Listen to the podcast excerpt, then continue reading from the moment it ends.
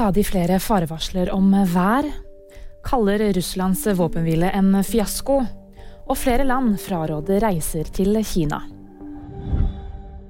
Det kom rekordmange farevarsler om vær i 2022. I fjor ble det sendt ut 1102 farevarsler om været fra Meteorologisk institutt. Mye av økningen skyldes flere detaljer i farevarselet og en skjerpet sikkerhetskultur. Værvarslingsdirektør Bård Fjugstad ved Meteorologisk institutt bekymrer seg for en ulv-ulv-situasjon, og sier de jobber med å avgrense farevarslene.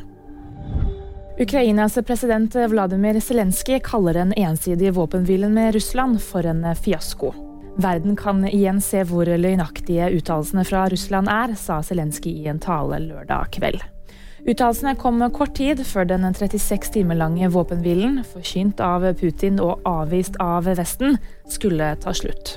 Russlands forsvarsdepartement fastholdt lørdag at våpenhvilen ble overholdt, men medgikk imidlertid at russiske styrker hadde slått tilbake flere angrep øst i Ukraina. Tyskland, Belgia og Luxembourg fraråder reiser til Kina med mindre det er strengt nødvendig. Årsaken er det høye smittetrykket i landet og et overveldet helsevesen. En rekke land har den siste tiden også innført nye regler for reisende fra Kina, bl.a. krav om negativ koronatest. Det var VG nyheter, og de fikk du av meg, Anna Julie Bergesen.